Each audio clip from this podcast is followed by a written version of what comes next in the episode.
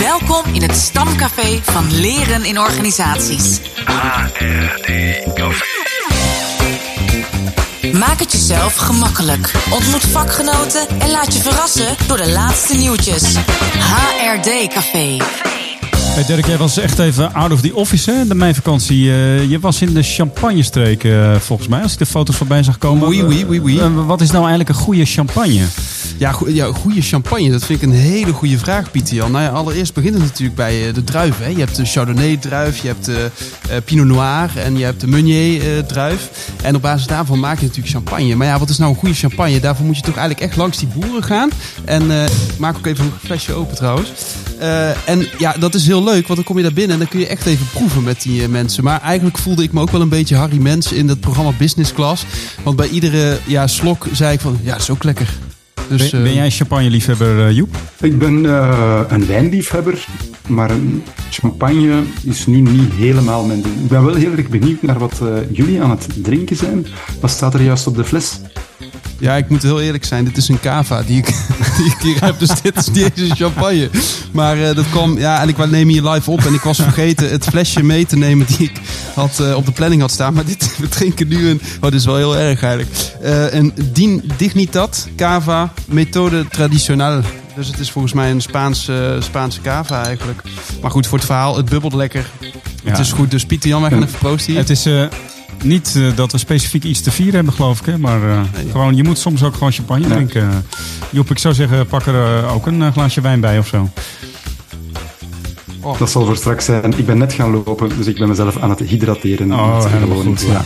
Hey, ik sprak een aantal weken geleden met Chris Hapers. Hij is eh, teamverantwoordelijke van het HR-team Talent bij CM. Oftewel, dat is de Christelijke Mutualiteit. Dat is het grootste zieke, ziekte, ziekteverzekeringsfonds in België. En ik vroeg hem wie de naam leerarchitect heeft bedacht. Dat eh, heb ik helemaal zelf gedaan. waar, daar, was ik, daar was ik zeer trots op. Ja, ja. Ik, ben, ik ben waarschijnlijk ook wel dat Leentje Buur gaan spelen bij de ene of de andere. Maar in ieder geval, ik heb het wel in de markt durven en mogen zetten. En ehm, ik vind hem nog altijd zeer, zeer goed. Omdat hij ehm, heel erg verwoordt van eh, bij eh, het bedenken van het plan tot en met de oplevering en kijken van ehm, de garantieperiode zit er eigenlijk niet zo goed in. in deze verhaal. Mooie naam, hè? Leerarchitect. Ja, als ik er zelf naar kijk, ja, ik denk dat ik wel eh, mezelf zie als ontwerper van leerervaringen. Dus dat sluit toch wel mooi aan bij, bij, bij die term van leerarchitect. Beschouwen jullie jezelf als eh, leerarchitecten? Oeh ja, leerarchitect. Eh, ik vind het wel een woord wat tot de verbeelding spreekt. Het is echt dat je eigenlijk wat, eh, nou het werk dat je doet in het kader van het ontwerpen van leren of het adviseren, dat je dat wat oprekt of zo. Dus, dus je gaat het ook bijna als iets, ja, als een, als een mooi huis zien wat je aan het ontwerpen bent. Dus ik ben, in die zin zou ik niet zeggen leerarchitect, maar ik vind het wel mooi om te kijken naar je vak als een soort, ja, kunstbeoefening of zo. Iets van kunst. Het is ook een mooi woord, vind ik, architect.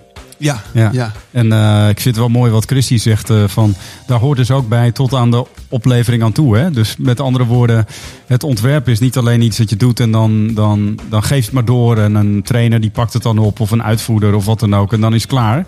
Maar je, je blijft betrokken. En eh, dat vind ik eigenlijk ook wel dat je als architect als het ware weer even langs het huis loopt wat je hebt ontworpen. Ja, en dan even nog checkt van hey, eh, is het allemaal naar wens? En eh, dat vind ik ook wel mooi aan, eh, aan wat Chris daarover vertelt. Ja, of dat moment dat het dan staat, zeg maar. Dat je dan met een afstandje kijkt en dan ook echt zo als een architect trots kan zijn op kan het gebouw genieten. wat er staat. Ja. Of even van kan genieten. Ja. Hey, het, is eigenlijk ook wel heel leuk dat je zo'n nieuwe naam bedenkt. Hè? Want ja, of, of nieuw. Er zijn vast ook wel andere mensen die het over leerarchitectuur hebben. Maar ik, ik heb ook het idee dat dat, als je dan zo'n nieuwe naam bedenkt, dat het soms ook weer beter blijft hangen. Ik moest ook denken aan organisatie, journalist. hè. Dat is eh, hoe jij jezelf noemt, eh, Dirk. Ja. Maar doe jij dat wel vaker? Dat soort nieuwe namen bedenken voor trajecten in organisaties? Hoe daar ere wie ere toekomt is natuurlijk Paul Keursen die toen met de naam organisatiejournalist kwam. En ik ben het toen gaan uitdenken, wat is het eigenlijk? Maar het werkt wel inderdaad, het blijft wel plakken natuurlijk. Dus eh merkt gelijk dat iemand denkt, oh dat klinkt eigenlijk wel leuk. En dan heb je echt iets om over uit te pakken en te vertellen. Ehm, wat was jouw vraag precies? Of dat, dat Nou, of dat je dat ook vaker eh, doet. vaker dat je, doet. Namen bedenken. Ja. ja, nou sowieso. Hè. Dus als wij podcast maken, dan ga je ook eh, namen geven aan eh, een podcast show, aan de ja. show, weet je wel, wat je inzet als leren interventie. Maar ja, en ik stel ook vaak in, in interviews alleen al de soort titelvraag: welk titel zou je dit interview geven? Ehm, dus werken met titels, namen, ja. En ook in, in leren, dat vind ik belangrijk, ja. Daar wordt het persoonlijker van. Ja, Christy heeft dus een, een, een leertraject opgezet om leerarchitecten op te leiden eh, binnen eh, zijn organisatie, binnen CM. Het hele team. En de interessante vraag deed zich voor, wanneer start je nu eigenlijk zo'n traject? Dan stelde zich de vraag, en dat was ook effectief de bedoeling, dat was ook een heel duidelijke afspraak, van als we met nieuwe ehm, onbeschreven bladen in dat traject stappen, dan hebben we daar iets in te doen en hebben we dat traject binnen te pakken. En dat was eigenlijk de bedoeling. En eigenlijk het, hetgene waar we het nog het meest over gediscussieerd hebben, is wanneer moesten we dat nu eigenlijk doen? En gaan we nu Gaan we dat nu van in het begin, van als het blad echt nog helemaal wit is, gaan we dat daar vastpakken? Of gaan we iets later, wanneer mensen toch wel iets of wat bezoedeld zijn en, en eigenlijk niet bezoedeld, ervaring hebben opgebouwd en dingen zijn ja. tegenkomen, en starten we, starten we dan. En het is uiteindelijk het tweede geworden. Dat is mooi, hè? De tabula rasa, het onbeschreven blad. Ja. En, en, en, en het moment dat mensen wat bedoezeld zijn of wat ervaringen hebben. Eh, Dirk, jij hebt de leergang adviseren en ontwerpen van leren in organisaties gevolgd bij de FCE. En, en, maar dat deed je nadat je al wat werkervaringen had eh, als, eh, als, als consultant, als adviseur. Was dat nou een goed moment voor jou? Ja, zeker. Want het hielp me enerzijds om terug te kijken op dat wat ik al gedaan had. Dus dat kon ik vanuit een nieuw licht bekijken. Eh, en tegelijkertijd hielp dat ook al om vooruit te kijken naar andere opdrachten die kwamen. Dus ik vond het juist eigenlijk zeer fijn om enerzijds al de ervaring een beetje te hebben. En daar betekenis aan te kunnen geven door het leren van deze leergang. Ja, en ons vak is toch ook een echt, echt een vak dat je in de praktijk leert. Mensen kunnen het jou gaan uitleggen hoe dat je dat dan moet doen.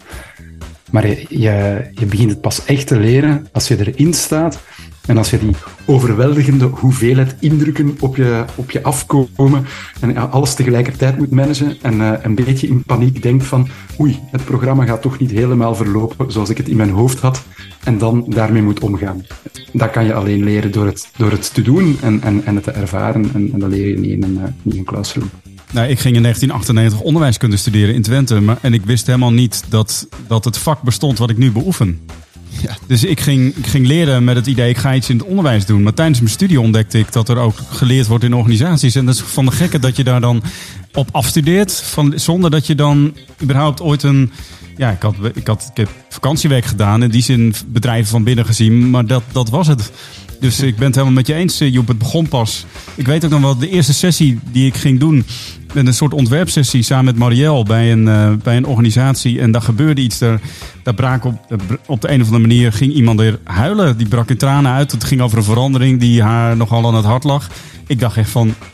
Hier heb ik niks over geleerd. Wat moet ik doen? Ja, eh, oh, wat grappig. Ik heb precies hetzelfde gehad een keer tijdens een interview met, eh, met eh, een klant. Dat ik echt dacht, oh, hè, daar was jij bij. Want het was een man die ook nogal emotioneel werd van een verhaal. En ik dacht, jeetje, wat moet ik nu eigenlijk zeggen? Ja, eh, volgende vraag of zo. Maar dat is echt, dan voel je echt een beetje zo, eh, oh, oké. Dan begint het pas. Dan begint het pas, ja. Grappig is dat. Hey, Chris vertelt onder andere nog over hoe binnen CM het curriculum voor het traject van leerarchitecten eruit ziet. Daar staat nu op een aantal uitzichten die Chris had gedefinieerd van kijk, dit is van een procesbegeleider, een leerarchitect, wat dat je dan doet. Hè. Mhm. En dan eh, zijn we gewandeld langs een de stukken waarin dat het gaat over eh, hoe connecteerde met die klant. Hoe maakt je zuiver van wat uw rol is? Eh, waar gaat het over? Ehm, wie is initiator? Wie is actor? Wie is de, de ondersteuner? Waar zitten we dan in die rol? Laat ons eens verdiepen. Wat doen we dan? En dan de tooling en de, en de om, om, om dat zuiver te krijgen. En, en ook om jezelf een beetje te beschermen. Wat zijn dan de toolings? En dat is in een... eh, eh, de curriculummens gaat niet gelukkig worden van dit soort hapersachtige uitleg. maar ehm voeg dat er dan maar ergens bij in uw, in uw zetel, hoe dat het dan helemaal in elkaar zit. Maar ik herinner mij ook nog dat we eigenlijk op het einde letterlijk een oefening gaan zijn doen in een, eh, in een andere organisatie. Ja, dat heb en ik dat was, eigenlijk, dat was eigenlijk echt... eh, Want waar zijn jullie wel, eh, geweest, Chris? Wat was we de zijn in het opdracht? Rijksgezondheidscentrum geweest in, Mhm. in, in Brussel. Ja, Chris vertelt heel veel verhalen uit de praktijk. Echt een praktijkman. En het is, ja, hij zegt het is best lastig om het curriculum helemaal inhoudelijk eh, te delen, zo in de podcast. Maar je hoort een aantal interessante eh, dingen. Bijvoorbeeld het belang van contracteren. Eh, de vraag achter de vragen ophalen. je rol als adviseur ook helder hebben en, en helder maken. Wat ik ook leuk vind, eh, is dat ze als groep leerarchitecten van CM een opdracht zijn gaan doen bij een andere organisatie. Namelijk een zorginstelling in, in, in Brussel.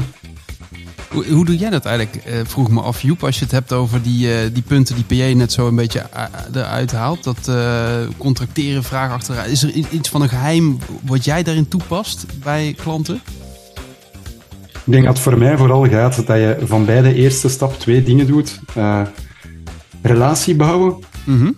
en al het, de, de intake is al een interventie op zich. Dus in die zin ben je tijdens de intake ben je eigenlijk al advies aan het geven of ben je eigenlijk samen al aan het ontwerpen? En ik denk dat daarin klanten echt ervaren dat je al iets toevoegt en daarin ook vertrouwen krijgen dat je in de verdere samenwerking ook iets zal toevoegen. Zo pak ik het aan. Het uh, complete gesprek dat uh, Annelies uh, Wiebo en ik hadden met Chris Hapers over het traject dat hij maakte om leerarchitecten op te leiden. Waarin hij overigens ook veel samenwerkte met onze Kelsers Smit collega Chris Nick. dat gesprek is terug te beluisteren in de HD Café Lounge podcast, editie nummer 2. En vanaf aankomende woensdag is dat te beluisteren op Spotify, Apple Podcast of op hrdcafé.nl. HRD Café. Trending. Trending topics. Trending topics. Wat zijn de laatste nieuwtjes? Dat diepvriesvoeding en fastfood ongezond kunnen zijn, dat wist u al. Maar onderzoek legt nu ook de link met cognitieve achteruitgang. In de morgen kon je vandaag lezen dat een studie uit 2022, waarbij bijna 11.000 Braziliaanse volwassenen gedurende 10 jaar werden gevolgd, een verband toont tussen het eten van ultra-bewerkte voedingsmiddelen en een slechter cognitief vermogen. Dat wil zeggen het vermogen om te leren, te onthouden, te redeneren en problemen op te lossen. Als werkgever ban je dus maar beter fastfood en bewerkte voeding op de werkvloer. En ja, snoeprepen behoren ook tot de ultrabewerkte voedingsmiddelen. Daar gaat dus mijn geliefde Snickers. Oh. Helaas. Nou op het uh, Next Learning Event 18 april mocht uh, Marcel de Leeuw een presentatie geven over wat hij heeft geleerd in 25 jaar e-learning vakmanschap. En uh, behalve een presentatie heeft hij ook een digitaal naslagwerk gemaakt. En daarin deelt hij allerlei methodieken, modellen, boeken en andere zaken. En die hem in ieder geval tot op de dag van vandaag ook hebben geïnspireerd. Uh, hij schrijft daarover op zijn LinkedIn-pagina, dus de LinkedIn-pagina van Marcel de Leeuwen. En op leerbeleving.nl uh, vind je een prachtige, ja, wat is het? Artikel, uh, blog, een digitale space. wat gaat over 25 jaar e-learning vakmanschap in 25 minuten. En HR Academy kondigt via LinkedIn een nieuwe opleiding aan die door mijn Belgische collega's Peter Beschuit en Magelien Lambrecht zal gegeven worden. Mens Sana Incorporazione Sana. De opleiding is voor iedereen die wil leren hoe je een duurzaam en gedragen welzijnsbeleid kan uitbouwen. Wil je dus graag werken aan een organisatie die een gezonde plek is waar mensen kunnen floreren? Ga dan zeker eens kijken op de website van HRD Academy. De opleiding start op 21 september. Ik moest heel even denken aan mens sauna in plaats van mens sana. Maar goed, dat is Maar dan dat heb je als je die eh, champagne in je hand hebt. Ja, ben jij, heb jij nog een eh, slokje of eh, wil je nog Ja, wat nog bij? een klein slokje, Nou, ja. Kom maar hier dan met je glas. Kan ik ondertussen even het volgende nieuwtje eh, delen. Eh, dus Ik mooi initiatief. alleszins alvast wat warm te krijgen toen je dat zei. Ja, ja, precies. Nou, het zit allemaal nog net. eh ja, is een man ook helemaal niet multitasken natuurlijk. Eh, mooi initiatief dus Peter en Margelien, superleuk. Eh, op donderdag 15 juni 2023 van 1 tot eh, half 3 eh, stelt de Nederlandse verzekeraar Achmea zijn keuken eh, vanuit de eigen studio in Zeist open. En op het menu staat onder andere All You Can Learn. En Christophe eh, van der Meers eh, die bericht daarover op LinkedIn. Dus wil je een kijkje nemen bij eh, dit zogeheten Pottenkijkers event? Eh, volg de link dan in de show notes. Kennis in ontwikkeling. HRD Café. Ben je nog in staat, denk je, om te grabbelen, Dirk? Ik het, ga, we gaan het proberen. Ik heb geen idee. Zal weer afwachten wat voor nummer eruit komt, hè. Maar ik doe mijn best. Eh, nummer 31. Jawel. Jawel, jawel, jawel. Nou, daar komt hij. Even kijken. Je bent een manager. Nee, je bent een topmanager. Je weet hoe de hazen lopen. Wat er nodig is om succesvol te zijn en hoe je uitdagende targets kunt halen. Sturen op resultaat op een transparante manier is je niet vreemd. Je hebt doelen, je hebt ambities en je zet graag koers uit. Waar jij je pijlen op richt, dat realiseer je. Verandering is misschien wel de enige constante in je werkomgeving, maar zelfs nu heb je het roer stevig in handen. Iets met high performance of zo. Of, eh, Ja, het zal wel leiden tot high performance. ja, eh. het klinkt eh, een beetje Amerikaans. Of eh, uit sportpsychologie mij misschien wel. Alsof er nog een cliffhanger moest aankomen. Alsof plotseling de dieperik ging ingaan of zo. Het lijken alsof je alles onder controle hebt, maar eigenlijk toch niet. Ik zal er een tipje bijgeven. Ik, spieken. Het woord spieken. Hmm. Speakbriefjes. Speakbriefjes voor managers. Ah, Ja, top- ja, ja, voor, voor ja. topmanagers. Ja, heel Ja. goed. Ja, ja speakbriefjes voor topmanagers. Eh, alle modellen in één boek. Door eh, onze dokter Anders Chip de Jong. Ja, heel handig naslagwerk. eh staat bij mij in de kast in ieder geval. Maar af en toe eventjes eh, als ik een modelletje... Je kan natuurlijk gewoon googlen tegenwoordig. Maar dit is eigenlijk veel handiger. Omdat het eh, op één eh Het is wel overzicht... één, dikke speakbrief eigenlijk. één dikke speakbrief, ja. Ja. Dus eh, het zit niet in mijn tas, maar staat wel in mijn kast. Mooi. En dankzij die speakbrief voel je je ook heel erg competent. Zeker weten. ja, ik, eh, je hebt alle kennis niet meer nodig. Hè. Het zit gewoon eh, tussen de neuzen. Dank voor het luisteren naar de HD Café, naar de HD Café podcast. Ik, eh, heb, Je ik- hebt, je hebt ook te veel op, eh, Pieter Jan. Wat is dit nou weer? dubbele tong begint al te ontstaan na twee glaasjes champagne. Het is maar goed dat je daar zit, Joep, in België. Is dat. En eh, we gaan gewoon eh, aan onze luisteraars meegeven dat ze ons ook kunnen volgen via Instagram. En dat ze zich kunnen abonneren op onze podcast via Apple Podcasts of Spotify. En willen ze mailen met reacties of te lachen met jullie dubbele tong, dan kan dat via reactie.hrdcafé.nl. Tot de volgende keer. Hey Chris, ik ben wel even benieuwd. Beschouw jij jezelf eigenlijk als leerarchitect? Of? Ja, ik denk dat dat eigenlijk mijn roeping is. Oh. Ja, en, en, en ben je was, Dat was kwam van diep, Chris. Ja. Deze podcast Deze podcast werd geproduceerd door Kessels en Smit Kessels en Smit. Broadcasting.